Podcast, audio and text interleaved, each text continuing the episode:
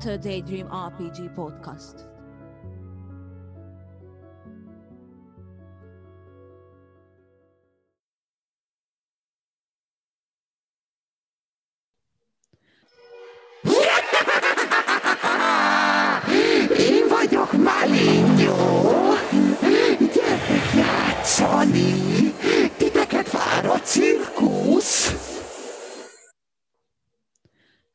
És beló mindenkinek! Averi és én újra készen állunk, hogy leássunk a fantazi és skifi világ kénköves bugyraiba.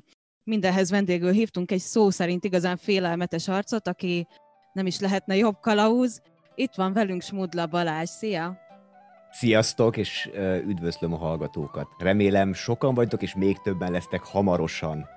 Szia Balázs, köszönjük szépen, hogy eljöttél. Nagyon szívesen. Igen, hát hatásos belépő volt egyébként valóban ez a, ez a zombis jelmez. Kár, hogy a hallgatók ugye nem láthatták, de hát nem fogjuk kihagyni őket sem a buliból. Facebook poszt erejéig, vagy valami hasonló erejéig mindenképpen megcsodálhatjátok. Akkor vágjunk is bele a kérdéseknek a sorába, reméljük, hogy készen állsz. Először szeretnénk téged a, a képregény rajzolásról, a képregényekkel való foglalkozásról kérdezni, és azt szeretnénk tudni, hogy mégis hogyan döntötted el, és milyen körülmények között, hogy te ezzel fogsz foglalkozni. Hú, ez nagyon hosszú sztori, de igyekszem rövidre vágni. Az első, amit Van meg időnk. kell, az első, amit meg kell említenem, hogy ez bár sokszor az én nevem kerül elő, de nem engem jelent. Mindig is úgy jelenünk meg a feleségemmel együtt, hogy G és B, tehát Gabriella és Balázs Mudla, csak Gabi általában egy picit visszahúzódóbb, így én szoktam ilyen beszélgetéseket vállalni, meg megjelenni, de azt kell, hogy mondjam, hogy feleségemmel egy nagyon jó munkakapcsolatban vagyunk, és 50-50 százalékban oszlanak meg a teendők, csak azért teszem ezt hozzá, hogy fix legyen, hogy itt nem csak rólam van szó. Amúgy ez egy nagyon régi dolog. Mivel kezdjem? Hogy szerettem meg a képregényeket, vagy hogy rajzoltunk először képregényt? Először az egyik, aztán a másik. E, Jó, igazából nem annyira emlékszem pontosan, hogy mi volt az első képregény, amit olvastam. Talán Asterix lehetett, vagy Lucky Luke. Nagyon kis gyerek voltam. Nem, nem az volt. Egy Botond magazinban egy azóta nagy szerelmem, ugye Conan, hatalmas Conan rajongó vagyok. A Conan e pusztítóból volt egy, képe, volt egy képregény, és azonnal beleszerettem. Kis Pokémon voltam, még nem tudom mekkora lehettem, unokatestvéremnéknél találtam egy magazint, azt hiszem talán Botond volt, vagy ilyesmi, és azonnal beleszerettem a műfajba. Később aztán persze végigmentem a kötelező gyerekbetegségeken, mint szuperhős képregények, ilyesmi, azok annyira soha nem fogtak meg, és természetesen jöttek a mangák, de ami mind nálam, mind feleségemnél mai napig tartó szerelem, az a klasszikus, úgymond békebeli európai képregények, tehát ez azt jelenti, hogy skifi fantasy ezen belül a 60-astól 80-as évek elsősorban francia nyelvű képregényei skifi, tehát ilyen Metal Hurlen, ami a 70-es, 80-as éveket eltől már, és ez meghatározza a mai napig a stílusunkat is. Viszont ami miatt elkezdtünk képregényt rajzolni, soha nem gondoltam volna, hogy ilyenre adjuk a fejünket, az még annó a Mondó magazinnál volt, ahol uh, még a törzsgárdában dolgoztam, először csak cikkíróként, aztán szerkesztőként, aztán közö- közösségi menedzserként, és mm, stb. stb. És valamilyen úton, módon támadt egyszer egy ötletem volt, ugye mindig képregényünk a magazin első oldalán, ez már jó pár éve, talán volt 8-10 évvel ezelőtt is. Feleségemmel, vagyis még akkor barátnőmmel, ő ugye grafikát tanult, földobtam neki az ötletet, hogy figyelj, miért nem csinálunk ebből egy képregényt, és teljesen amatőrként, addig csak olvastunk képregényeket, saját magunk által kitalálva, neki ültünk megcsinálni egy képregényt, egy Nyufikund képregényt, amit azóta is kering az interneten, és dakran riposztolják, és állítólagosan viszi a pálmát a mondós képregények közül a mai napig. Ez az ominózus Nyuffater című képregény, ahol Nyufikund keresztapaként ábrázoltuk. Ez volt az első. Aztán jöttek ilyen kisebb bakik sorba, elsősorban a Mondó magazinnál. Hát mai szemmel visszanézve azt mondom, hogy ajaj, örülhetünk, hogy kiadták őket, az akkori szintünknek teljesen megfelelt, és aztán jött egy hosszabb szünet, amíg csak képregényeket olvastunk, és ugye mind a kettőnknek nagyon szoros a kapcsolat a fantasyvel is. Bármit is csinálunk, képregényrajzolás, írás, szerepjáték, stb. Mindent a fantasy kapcsol össze, a fantasy szabadsága. És van egy régóta dédelgetett világunk, feleségemmel, amit játszottunk is jó párszor, te is, is játszottál már egyszer velünk Vivi benne, új hajnal világán, és ehhez Igen, igen, igen. született egy novella, amiről egész jó visszajelzések születtek, és földobtam azt feleségemnek, hogy miért nem csinálunk belőle képregényt. És akkor jött egy körülbelül három vagy négy hónapos bajódás, amíg csak stílust kerestünk. Rajzolás, színezés, rajzolás, színezés, írás, újraírás, és mindig az lett a vége, hogy nem jó, nem jó, nem jó. Ez egy ilyen nagyon-nagyon kinkeserves stíluskeresési idő volt, és a végén megtaláltuk azt, amit majd először nem sokára a 20 oldalú magazin oldalain fognak látni a kedves érdeklődők. Ez itt a reklám helye. De egyébként a magazinnak már készítettünk több képregényt is, de nem ilyen komoly stílusban, mint ami most az új hajnal képregény lesz. Úgyhogy ö, szeretnénk visszaadni ezekben a képregényekben picit a klasszikus skifit, fantasyt és a 60-as, 80-as évek intervallumának ö, szellemét. Azt hiszem ennyi. Remélem jól körmondatokban megválaszoltam mindent. Abszolút, még néhány kérdést előre is, de nem, nem menekülsz meg tőlük, mert egyébként a következő kérdés az az lett volna, hogy vannak olyan magazinok, ahol rendszeresen publikálsz, tehát ez semmi gond, hogy ezt itt megemlítetted. Ezen kívül a magazinon kívül van még esetleg más, ahol publikáltok? Tehát régen ugye volt a Mondó, most jelen pillanatban 20 oldalú, és webre szeretnénk képregényeket. Lárpos kapcsolatainknak köszönhetően van olyan kis egyoldalas uh, Drachenfest képregényünk, ami négy vagy öt nyelvre készült. Négy, négy nyelvre készült el, eddig azt hiszem német, angol, spanyol, magyar, készül a görög, és talán orosz, de az még nem Azt a- biztos. És ja, és van, uh, van uh, valami arab kicsengése is a dolognak majd a közeljövőben, ha megkapom a visszajelzést arra, hogy oké okay a dolog. Saját kiadást szeretnénk ebből, de egyelőre annyi, min- annyi felé megyünk, hogy annyi mindent csinálunk, és ugye mindketten dolgozunk mellette, hogy egy magazinnál többet nem igazán tudtunk idáig vállalni. Pont ezt szerettem volna kérdezni, hogy a sok kreatív munka mellett van, vagy volt civil foglalkozásod? Én megmondom őszintén, hogy a mezőgazdaságban startoltam, és ez egy elég jó vakvágány volt. Én mezőgazdasági áruforgalmazónak tanultam, aztán agrármérnöknek képeztek tovább, ami hát inkább kevesebb, mint, min- inkább kevesebb, mint tök sikerrel, ezt nem igazán abszolváltam. Világéletemben éreztem, hogy nem kifejezetten ez az a terület, amin én, én érvényesülni szeretnék tudni, vagy tudnék. Attól függetlenül, hogy egy gyönyörű terület, és becsülöm azokat az embereket, akik szívvel, lélekkel tudják ezt csinálni, tényleg le a kalappal előttük. Viszont éreztem akkor is, hogy nem nekem való, csak ugye pont az én generációmnál megvolt az a nyomás, ezt anyám még mindig azt mondták, hogy ez a kádári eszme volt annó, hogy teljesen mindegy, hogy miből csak szerez egy diplomát. Na és én azt szoktam mondani, hogy ennek az áldozata vagyok. A teljesen mindegy, csak szerez egy diplomát, egy jó vágány arra, hogy a legkisebb ellenállás felé mozdulj el. Ne azt, ami érdekel, mert azt megkaptam rendszeresen, hogy ajaj, humán vonalra ne ne, mert éhen fogsz halni, és izé, és semmi, semmi esély, és az nem lesz finanszírozva, és nem térül meg, úgyhogy valami olyat, amit kézzel lehet fogni, el lehet rugni, gólt lehet vele rugni, meg lehet inni, vagy nem folytatom tovább, de mindenki tudja, hogy mi lenne a következő lépés a hasonlatba. Szóval valami kézzel foghatót. Én bele is vágtam ebbe, nem mondom, hogy bánom, de, de úgy érzem, hogy nem az én helyem, és soha nem is lesz. Örülünk, hogy, hogy, hogy megtaláltad az utadat a képregényebben és egyéb tevékenységekben, mert, mert így legalább meg is ismerhettünk, meg a munkáidat is, és szeretnénk tudni, hogy milyen grafikai stílust képviselsz, és hogy honnan meríted az inspirációidat. Én grafikai stílusban a pálcika embereket képviselem. Ez azért is van így, mert annyira béna vagyok rajzban, hogy egy egyenes vonalat harmadik nekifutásra sem tudok meghúzni. Párhuzamos az a legnagyobb álmom, hogy én párhuzamos tudjak húzni kézzel. A rajz stílus feleségemnek a, a, az ötlete, az én irányításommal én általában a színekért, a történetért, a tördelésért vagyok felelős.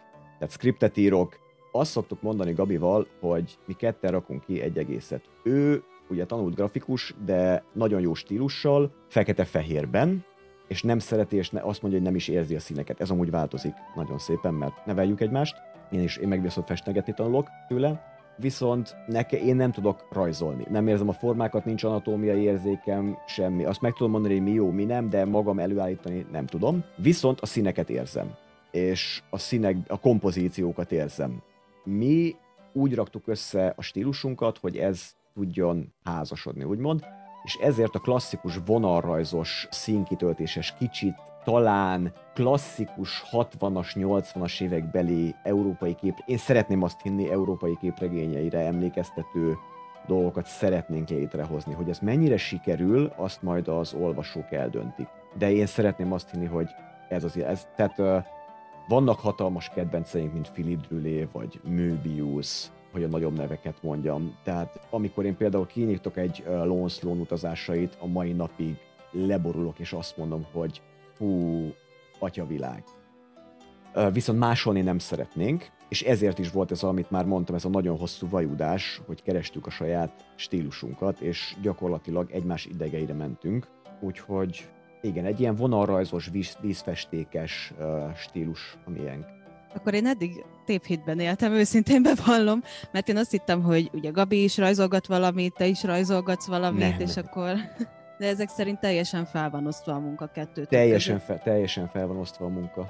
Apró besegítések vannak, de amikor egy rossz rajzot látsz például tőlünk, az azért szokott születni, mert én besegítettem a Gabinak, és ilyenkor születnek ilyen torzók, hát ez van, sajnos ez, ez dobta a gép. Csak én mindig szerettem volna megtanulni rajzolni. De feleségem mellett úgy se rúgok labdába, csak rontom a munkáját. Tehát maradok annál, maradok a színeknél, maradok a formánál, a kompozíciónál és a történetnél, amihez van hátterem, és én arra próbálok meg ráfeküdni. Értem. És egyébként a, a témát tekintve, ugye említettük a fantazit, meg a skifit, így mm. ezeken belül valami, valami különlegesebb, vagy, vagy esetleg mást is szoktatok még ö, témának választani? Nagyon sok ilyen kis egyoldalas képregényünk van, amit valami mit, tudom én, kisebb magazin felkérésére csináltunk.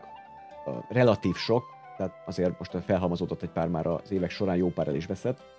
És ezek sokszor úgy működnek, hogy azt mondja a, a magazin, ezeket nagyon sokszor szívességből is csináltuk, ugye, hogy ilyen témában szeretnénk egy képregényt, és akkor azt úgy összepakolgatjuk. De a saját stílusunkon belül én nagyon-nagyon szeretem a klasszikus ponyvát, amit lehet köpködni, lehet dobálni miatta, de a klasszikus ponyvának igenis megvan a helye az irodalomban, a művészetben, és ezen belül a fantasyben, és nekem hatalmas kedvenceim az 1920-astól 60-as évek fantasy írói, ponyva magazin írói, Weird Tales-ból ilyesmi, és történetileg próbálunk rámenni egy ilyen uh, nem túl heroikus, kicsit, nem az, hogy földhöz ragadtam, mert fantáz, szeretném azt mondani, hogy fantáziadús vonalra, amiben mm, kimerem jelenteni, hogy nem akarunk távol maradni attól, hogy mondani valója legyen aktuál problémákról, aktuális társadalmi dolgokról. És ami nagyon fontos, és ezt mindig hangsúlyozni szeretném, szerettem volna, hogy mi nem a frankót mondjuk meg.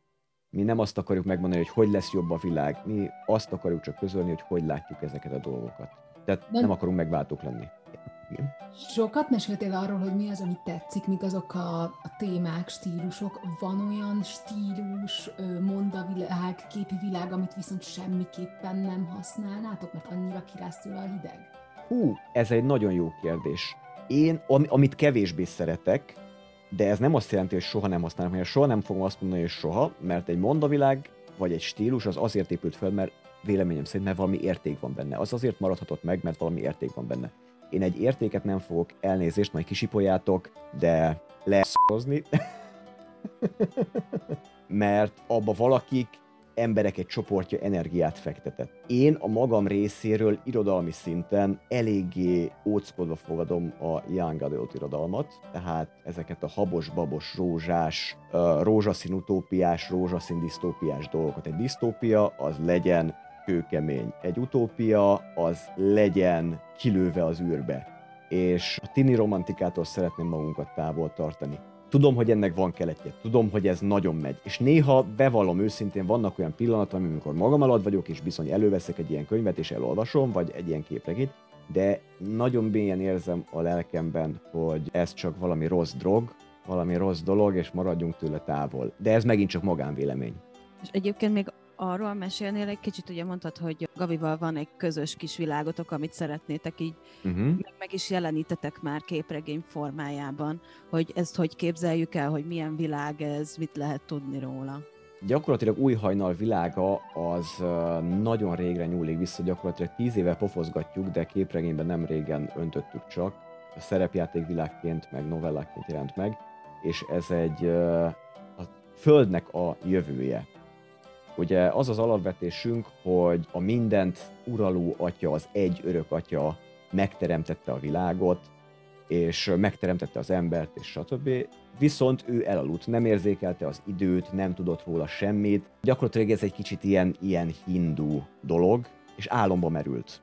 Az ember viszont elkezdett szenvedni, elkezdett, elkezdte magát fölépíteni, elkezdte a világát fölépíteni, és hiába imádkozott az Istenhez, ugye mivel az Isten aludt nem jött válasz, úgy döntött, hogy oké, okay, ennyi volt, majd én leszek az Isten, én leszek a saját Istenem, elkezdte magát imádni, fölhúzott egy technikai civilizációt. Eddig ugye nem olyan nagy dolog, ezt jó páran megjelenítették már, és eljutott arra a szintre, hogy na majd én elkezdek Istent játszani, elkezdek teremteni, elkezdek okosabb lenni, mint mások, elkezdek belenyúlni ebbe-abba, és a végén jött egy jó kis apokalipszis, ahol gyakorlatilag kiírtották a fél emberiséget egy ilyen elég nagy, akárhányadik világháborúban, ahol rengeteg ember halt meg, és hát az ő könnyeik, az ős halálsikolyaik ébresztették fel újra az egy atyát, aki azt látta, hogy létrehozott valami gyönyörűt, amit az emberek leromboltak, és ezért úgy döntött, hogy nem büntet, hanem felemel, rájött arra, hogy ugye ő nem érzékeli úgy az időt, rájött arra, hogy mi a különbség ő és a teremtményei között. Ezért jó párat felemelt közülük,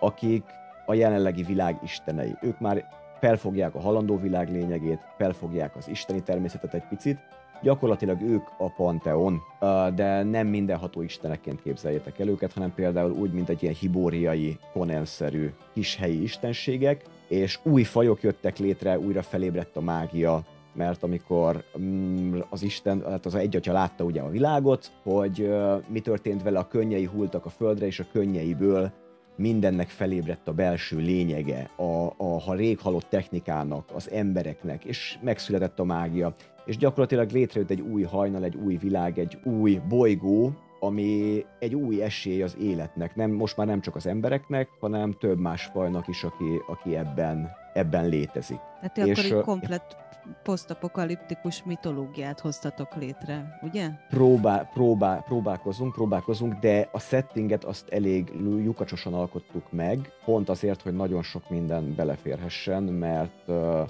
nálunk nem az lenne a lényeg az egésznek, hogy nem tudom, Izmos Géza jön, üt, mindenki beleszeret, minden csaj, vagy minden fiú, tök mindegy, és a végén uh, viszi a pénzt, és ennyi volt a történet, hanem olyan problémákra szeretnénk reflektálni, mint például a modern technikai civilizációból az újra felfedezésre. Rájönni azt, hogy milyen hatalom és mivel éltek vissza az emberek például az internetnek köszönhetően.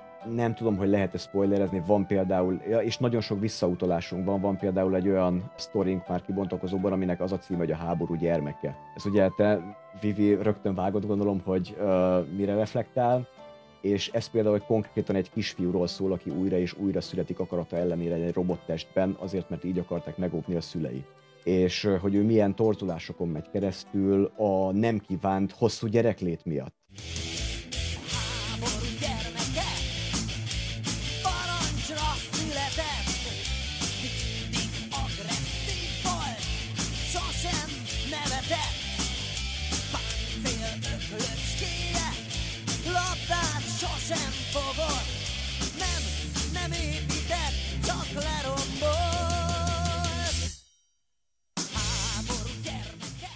Akkor most, amivel, hát, na jó, spoilerezhetek? Maximum. Persze. Ugye van most az egyikkel nagyon kedves ismerősünk, két nagyon kedves ismerősünkkel egy közös projektünk. projektünk. Ebben te is részt vettél egyébként a játékban, a, a Sé kaland, amikor is egy nem cseréről van szó, hogy hogy dolgozza föl az óvilágban megszületett férfi, hogy az új világban esetleg női testbe kerül, és milyen, mik ennek a következményei. És ezt nagyon-nagyon óvatosan próbáljuk meg körüljárni. Ez még nagyon munkafázisban van, de dolgozunk rajta. Úgyhogy nem akarunk távol maradni az ilyen témáktól semmiképpen. De minden csak időkérdése, hogy mikor készülünk el vele. Szóval eddig az új hajnal világáról beszélgettünk. Van még esetleg olyan gondolat, ami benned maradt ezzel kapcsolatban? Szerintem rengeteg olyan gondolat van, ami bennem marad, de szeretném is, hogy bennem maradjon egy darabig, és azt szeretném, hogy ha valaki arra vetemedik majd, ha kijönnek ezek a kis szösszenetek, hogy érdekli ez a dolog, az szeretném, ha ezeket a gondolatokat a lapokról ismerni majd meg, vagy a komputer képernyőjéről. Diplomatikus válasz. Ugye említetted, hogy meg véletlenül tudom, hogy nagyon oda vagy a 80-as évekért. Ha hogy sok ne? tekintetben. Honnan ez a vonzalom? Hát először is én 80-as évekbeli kölyök vagyok. Nem Én gondoltam volna. 82-ben születtem, hogy 18-at töltöm jövőre, és ugye nagyon sok mindent köszönhetek megint, visszatérek annó a Mondó magazinnak, és meg kell egy nevet említenem, Kodaj Danciét, az első főszerkesztőjét, nagyon sokat köszönhetek neki, és vagyok olyan bunkó, hogy élőben sose tettem meg, úgyhogy ha hallgatja, akkor most köszi Danci, itt megköszönöm neked mindenki előtt, de ő volt az az ember az életemben, aki nagyon sok mindenre rávilágított, és nagyon sok olyan kérdést tett fel, amit régen tudtam, vagyis éreztem és csináltam, csak nem tudtam, hogy miért. És vele beszélgettünk egyszer az ilyen, ilyen trendi dolgokról, meg a popkultúráról, és kijöttünk egy olyan beszélgetésbe, hogy azért szeretjük mind a ketten, vagyis én, én engem azért győzött meg ennyire a 80-as évek, és nagyon sok embert az én generációmból, mert gyakorlatilag a mai napig a popkultúra az a 80-as évek farvizén evez. Ami a 80-as években létrejött, a videóvágás, a tartalomszelektálás, a cyberpunknak a térnyerése, azok annyira erős nyomot hagytak a kultúránkban a mai napig, amit én még úgymond első kézből éreztem nagyjából, már mint amennyire kisgyerekként fel tudtam fogni, mert ugye Magyarországon a 80-as évek az 90-ben kezdődött, viszont a mai fiatalok meg újra kapják ezt meg, ugye Istennek hála újra éled a synthwave, uh, újra hódítanak ezek a dolgok, úgyhogy megint egy bizonyíték arra, hogy rengeteg olyasmit adott a 80-as évek nekünk, a, mi generációnknak és az utánunk jövő generációnak, amit nem tudunk kitörölni, és nem is akarok kitörölni. És természetesen itt nőttem fel, a 80-as években nőttem fel, a zene, ugye a metal zenének a térnyerése, a nagy metal boom, mindaz, amit gyerekkoromban szívtam magamba, és mindaz, amitől valamennyire el voltam zárva, hát azt valahol ki kell élni az embernek, és hát most megteszem. Igen, egyébként ez képregény világában is meggyönyörködtet téged, ugye? Igen, nagyon-nagyon, nagyon. Csak így a témánál maradva. igen, igen, igen. Szeretem a 80-as évekbeli képregényeket, a 80-as évekbeli zenéket, a, még a feldolgozásaikat is természetesen, és a formavilágot, a színvilágot.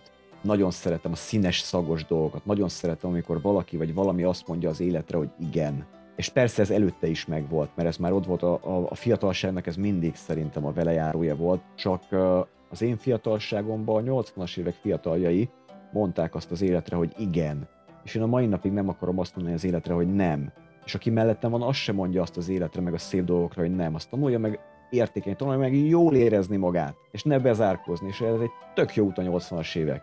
Abszolút. Amit még szerintem nem szabad elfelejteni, hogy a 80-as évek generációja, jó, már a 90-as is ott van, de a 80-as évek generációja, gyerekgenerációja nőtt fel most annyira, hogy mi vagyunk a társadalomnak azon motorja, akik már tudnak vezető, akik már be- vezető beosztásba kerülhettek, akik már megfelelő jövedelemmel rendelkeznek, akik megfelelő erővel tudnak ráhatni a piacra, és mindenféle olyan dologra, ami, ami irányt mutat valahogy a mai fiatalságnak, és ők ezt nagyon jól érzik, és mi miből táplálkozunk, mint mindenki a gyerekkorunkból. Mit hozunk magunkkal a 80-as éveket.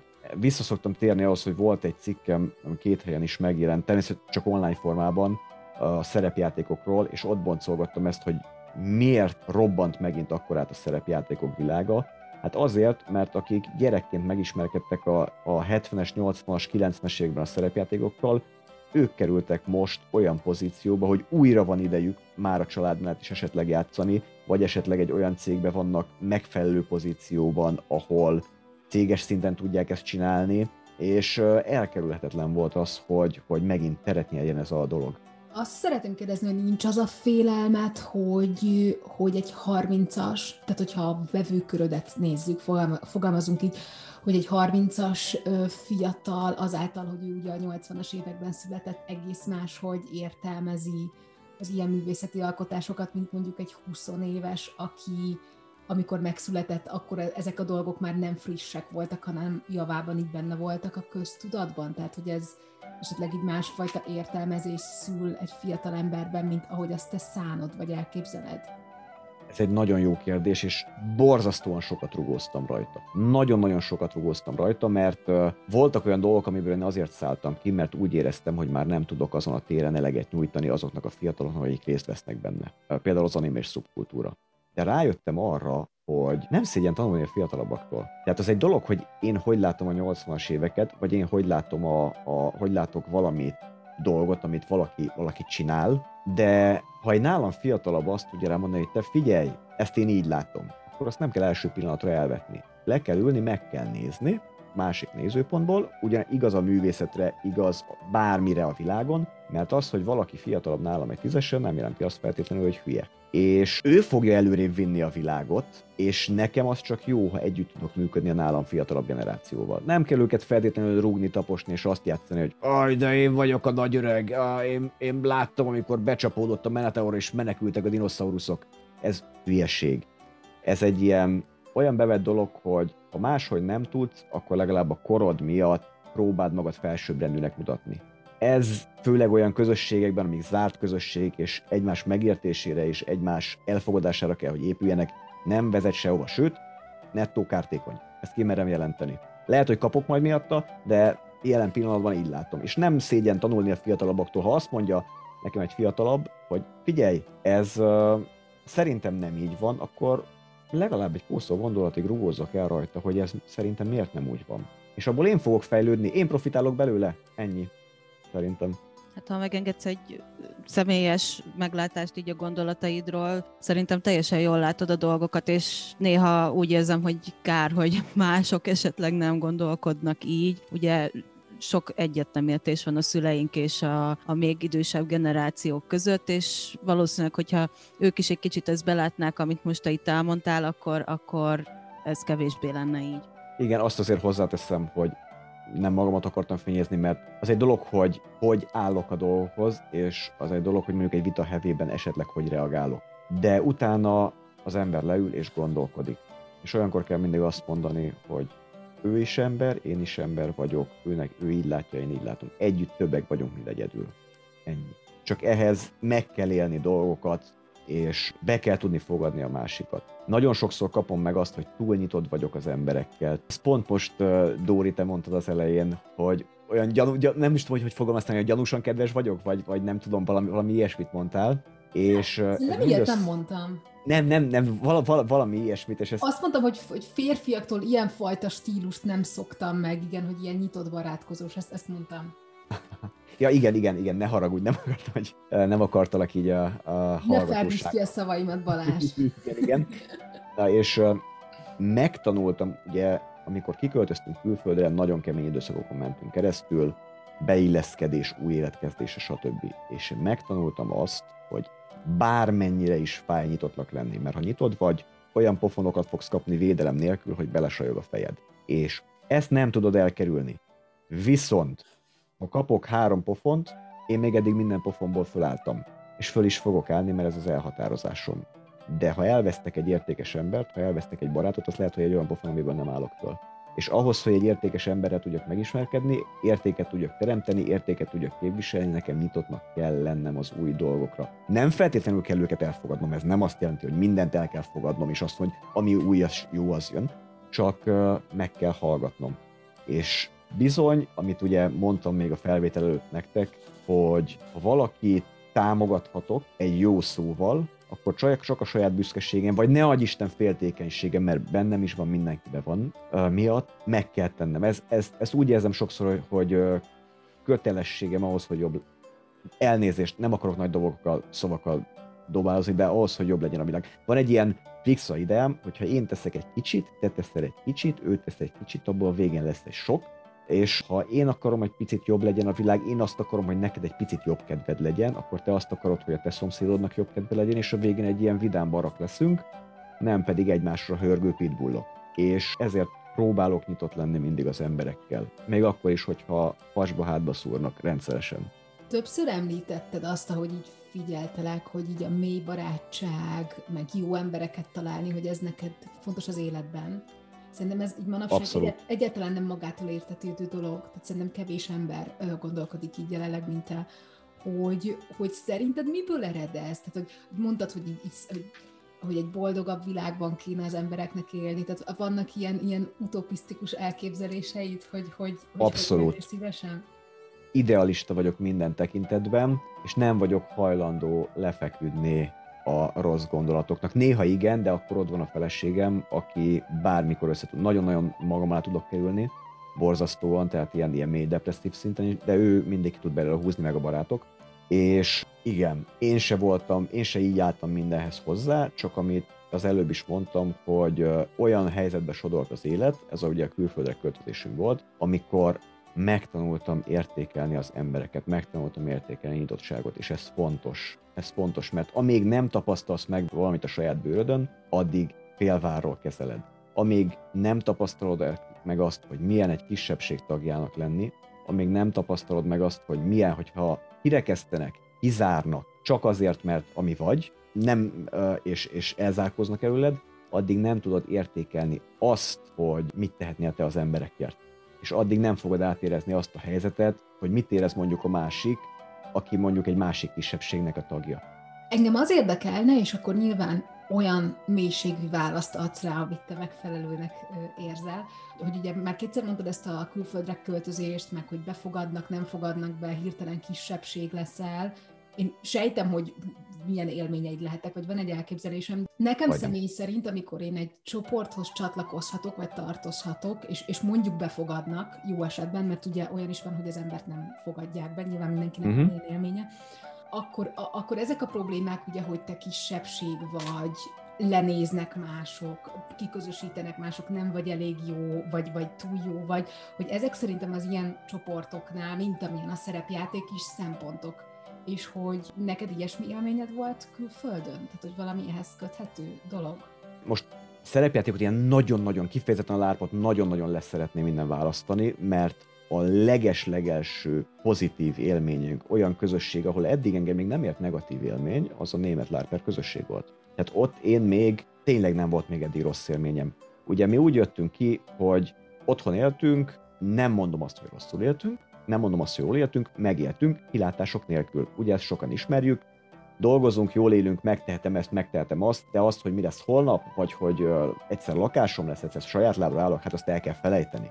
Mert maximum banki hitelből, és eladtam a lelkem is az ördögnek.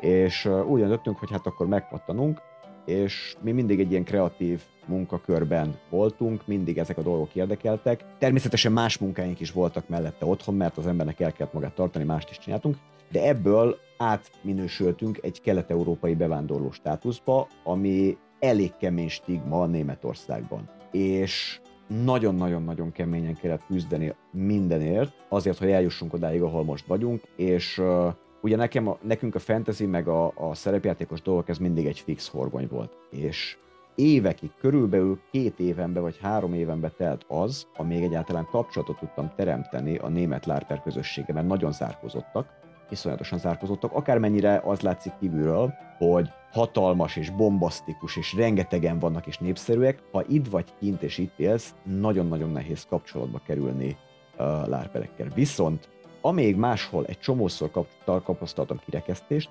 ott, amikor megbizonyosodtak arról, hogy uh, nem vagyok rablógyilkostól, vagy nem kiröhögni akarom őket, tehát ők is gátlásokkal küzdöttek egy csomószor, amikor ez erről megbizonyosodtak, akkor azt mondták, hogy szia, gyere, várunk, kerestek, keresnek a mai napig, beszélgetünk, hát sajnos most csak beszélgetünk az utóbbi időben a, a zárlatok miatt, de nekünk például feleségemmel a német és a nemzetközi lárp közösség egy ilyen lelki segélyszolgálat, gyógyír volt, ez elején, aztán ez tovább fejlődött. Úgyhogy, és igen, a kisebbségbe kerülés, az ugye az ember, ahogy mondtam, megtapasztalta, mint úgymond kelet-európai bevándorló, mert akármennyire is hangsúlyozzuk azt mi otthon, hogy nem, mi Közép-Európa vagyunk, mi Közép-Európa vagyunk a magyarok számára, a világ többi részére, részére kelet-európaiak vagyunk. Hát igen, ez egy stigma. És a legrosszabb, hogy hát ebbe inkább nem mennék bele, mert azt mondják, hogy akkor megint szarra dobálózok, de igen, vannak olyanok, akik ezt megpróbálják direkt kihasználni, és az ilyen nemzeti hovatartozásra való tekintettel próbálják meg a másiknak lerángatni a gatyáját is, meg, meg, meg minden. Tehát ez a húzzuk le egymást effekt. Nem szeretném jobban kifejteni, de szerintem tudjátok, hogy miről van szó. Igen. Ezért megint kapni fogok a közösségbe mindenhol, de ez egy olyan dolog, hogy már megszoktam, hogy kapok, és valakinek azért illik elmondani azt, hogy nem kolbászból van a kerítés mindenhol, és talán, ha én most elmondom az én tapasztalataimat, akkor más nem fog beleesni ebbe a hibába. 16 éves, mit tudjam én, Zsófika meghallgatja, akkor lehet, hogy úgy fog hozzáállni onnan a, kezdve a barátnőihez, vagy barátnőihez, vagy mit tudom, valaki az iskolába, hogy hú, lehet, hogy máshogy kéne hozzáállnom, mert lehet, hogy ez neki rosszul esik. Oké, okay, azt hiszem ennyi volt. Beszéltünk itt a közép, illetve kelet-európaiságról. Menjünk még keletebbre a kultúrákat tekintve, és akkor most szeretném tőled azt megkérdezni, Balázs, úgy többször is említésre került a Mondó magazin, ahol te tevékenykedtél, és említésre került az anime szubkultúra is. Te ezt manapság mennyire érzed még magadénak? Mennyire szoktál még animéket nézni és mangákat olvasni? Ha szoktál, akkor mik a kedvenceid, vagy mik voltak esetleg a, a, a zsánereid?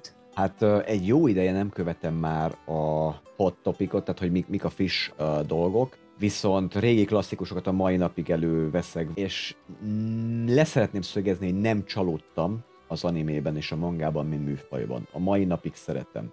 Az egyetlen dolog az, amiért kiszálltam belőle és háttérbe húzódtam, az egy nagyon kemény felismerés volt, amellett, hogy külföldre költöztünk, nagyon viharos hirtelenséggel, hogy szerintem kijelenthetem, hogy community managerként és a Mondó Facebook felfutatójaként, ami brutális sikeres volt addig is, most is az, ha jól tudom, de az első ilyen nagyon átütő sikereket még velem érte el, egyszer csak azt kezdtem el érezni, hogy volt egy generációváltás. Ugye az animéseknél, nagyon, amikor mértük ezeket, mindig póloltunk konokon, meg ilyesmi, hogy nagyon gyors a cserélődés. Két-három év alatt kipörögnek az animések, jönnek újak. És elkezdtem egy idő után gondolkodni azon, amikor néztem az új arcokat, néztem az új animéket, hogy nem igazán van olyan, ami az ízlésembe vág.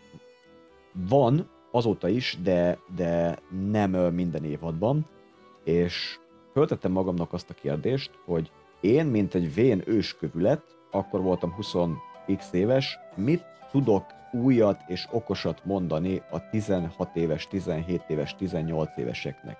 És rájöttem, hogy ha én vezető szerepet akarok vállalni egy közösségben, akkor nekem tudnom kell adni valamit. És ha én nem tudok adni valamit, akkor át kell a helyemet adni valaki olyas valakinek, aki ezt meg tudja tenni nem szabad ragaszkodni a pozícióhoz. És ez borzasztó kemény felismerés volt. Borzasztó kemény volt azt mondani, hogy oké, okay, lerakom a Wolfiskint, ugye Lone Wolf néven vittem a dolgokat, és keressetek a helyemre olyat, aki tud valamit adni a közösségnek, mert én ezt már nem tudom tenni. Megtehettem volna minden további nélkül azt, hogy ott maradok, és csinálom tovább a dolgokat, és próbálok anyagi megfontolásból kontentet gyártani, és többi, de ez repetitívvé, unalmassá, nem előrevezetővé vált volna a végére, ebben biztos vagyok, mert ezt kezdtem már érezni az elején, és akkor azt mondtam, nagy levegő, és nehéz szívvel viszlát. És, és most tényleg elérzékenyültem. Mi volt ebben a fő ok szerinted maga az életkor, vagy te megváltoztál, hmm. vagy a családi állapot uh, megváltozása hozott egy másfajta gondolkodásmódot, vagy szerinted mi ennek az oka?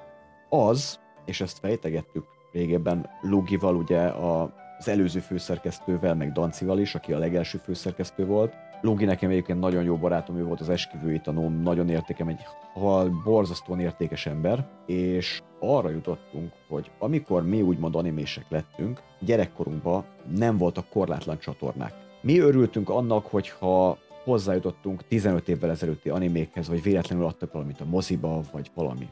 És ami eljutott hozzánk, az bő 30-40 év szűrt, masszívan erős kontentje volt. És mi a legjavából válogattuk ki, még a legjavát, és ezért az egész anime szubkultúra úgy csapodott le bennünk, mint hogy ez valami nagyon mély, ez valami nagyon jó, ez valami nagyon sok. Tudod, amikor van egy tálcseresznyéd, és az egész szép piros, de te csak a legpirosabbakat veszed ki belőle, és a legpirosabbak halmaza neked a 100%, a többivel nem is foglalkozol. És amikor felhasználtuk ezt a 30-40 évnyi kimazsolázott dolgot, megnéztünk mindent, ami érdekel minket, és aktualitásba kerültünk, de úgy kerültünk aktualitásba, hogy már nem volt értelme visszatekinteni, akkor jöttünk rá arra, hogy gyerekek, itt valami nagyon megváltozott, valami nagyon elment, és erről cikkeztek külföldi magazinok és japán magazinok is, hogy a 2000-es évek elején mindent eluralt csak a fanszerviz. Fanszerviz, fanszerviz, fanszerviz. Azelőtt gondolatokat próbáltak megátadni, érzéseket próbáltak megátadni,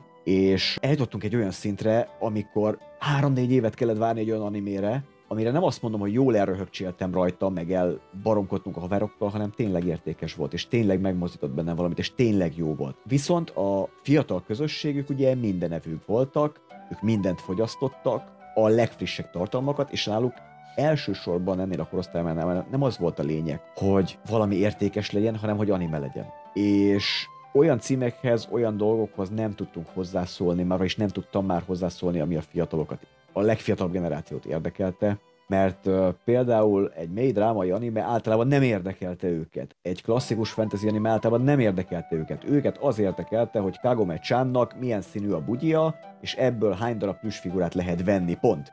Plusz. És ezt nem tudtam, és nem is akartam kiszolgálni az, hogy minden művészeti területen, meg szerintem minden műfajban van egyfajta, és most nem, nem szimpatikusot fogok mondani, ilyen igénytelenedési folyamat, de ez csak általánosságban van persze, tehát nagyon sok fiatal van, aki kivétel ez alól. Ezt általában mondják, szerinted mi ennek a fő oka? Az, hogy az újszülöttnek minden vicc új. Lehet, hogy amikor ha, ha én up lettem volna, és a 90-es években nem a 80-as meg a 90-es évek elejé animéket nézem, hanem a friss megjelenéseket, mert hozzájutok, akkor lehet, hogy a régi animések azt mondták volna rám, hogy hát én is megnézek minden szart. Tapasztalatot kell szerezni. És majd az idő fogja eldönteni, hogy kik azok az emberek egy új korosztályban, akik le tudják szűrni az értékeket, és kik azok, akik csak úgy belecsapódtak a szubkultba, egy darabig bulisztak együtt, jól érezték magukat, aztán, aztán elmentek. És velük sincs semmi baj mert ez az életnek a része. És az igénytelenedés az a gyorsaságra vezethető vissza. Manapság ugye felgyorsult az a folyamat, hogy kontentet kell termelni. Kontentet kell termelni kötelezően, vagy elsüllyedsz, lepörögsz az oldalon, nem nyomnak rá lájkot, senki se tudja, hogy mi van veled. És ha ebből akarsz megélni, nem fogod tudni megtenni. És így az a lényeg, hogy minél nagyobb szalagcím legyen, mit tudja én, minél nagyobb cicit rakjál ki, minél jobban kifest magad, minél nagyobb kreténséget mondjál, mert ez fogja fölkelteni az embereknek a figyelmét. És ugyanakkor van egy szűrési folyamat, ami megszűnt. Ú, de megfogalmaztam, hogy van egy szűrési folyamat, ami megszűnt, tehát nincs szűrési folyamat. Az internet nem szűr úgy, mint korábban. Ha én például publikálni akarok egy képregényt, amiben nyugdíjasok esznek csecsemőket, és ez a mondani valója, ők ezt nem valamiért csinálják, hanem azért, mert fán, hogy nyugdíjasok esznek csecsemőket, minden további nélkül megtehetem. Korábban egy magazinhoz, ha elküldtem volna, akkor megkérdezi a főszerkesztő valószínűleg, hogy oké, okay, nekem nincs az egy nyitottabb magazin, de nekem nincs az a semmi bajom, milyen ilyen nyitottak vagyunk, hogy nyugdíjasok esznek csecsemőket, de te ezzel mit akarsz mondani? És ha én azt mondom neki, hogy Hát igazából semmit, csak olyan vicces volt, akkor azt mondja, hogy menne fenébe. Ezzel nem tudsz átadni semmi értéket. És ez az előszűrési folyamat nagyon sok helyen megszűnt a nyílt interneten. Vannak olyan portálok, ahol még megvan, de, de az, az már nagyon magas szint, és az valószínűleg nem az átlag internet felhasználót fogja érdekelni, vagy nem a tömegeket, hanem speciális kis közösségeket. Vannak mindig kezdő tartalomgyártók, akik azért nem lesznek ott annyira ezekbe a dolgokba, el fogják követni a kezdő hibákat is, ő belőlük minél, minél több lesz, minél több, hát nem tudom szebben mondani, szar contentet fognak gyártani.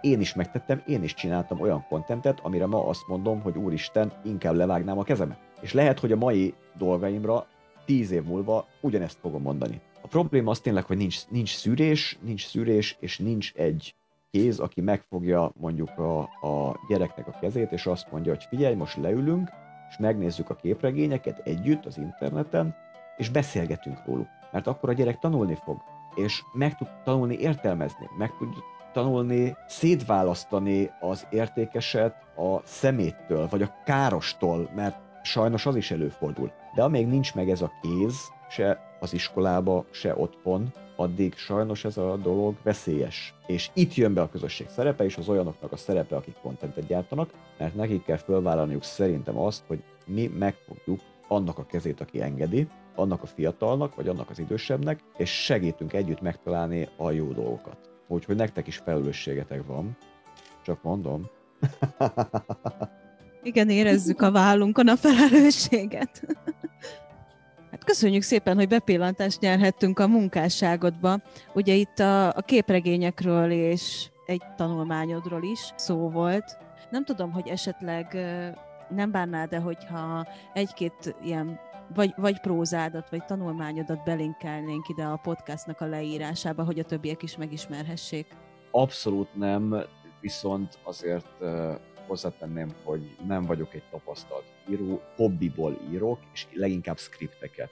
Erre is fektettem rá az utóbbi időben, úgyhogy nem tudom mennyire lesz élvezhető, vagy fogyasztható az, amit összeírogattam régebben. Ugye mostanság már annyira a, inkább a skriptírásra fektettem rá, de nagyon szívesen. Köszönjük szépen!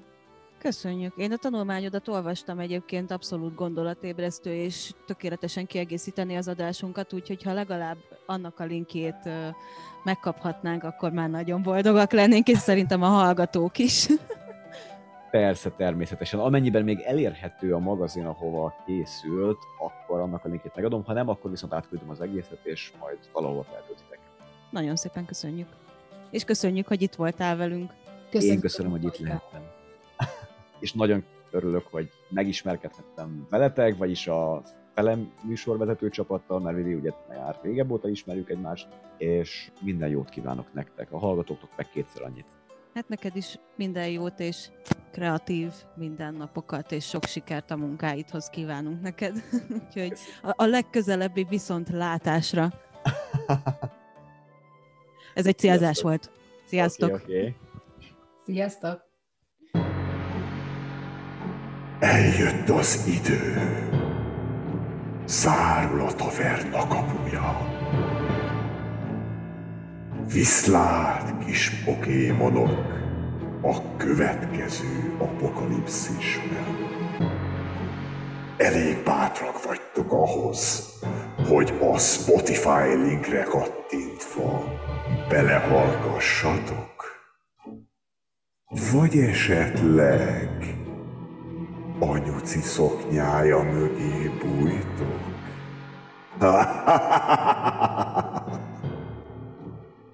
Minden esetre mi itt leszünk nektek.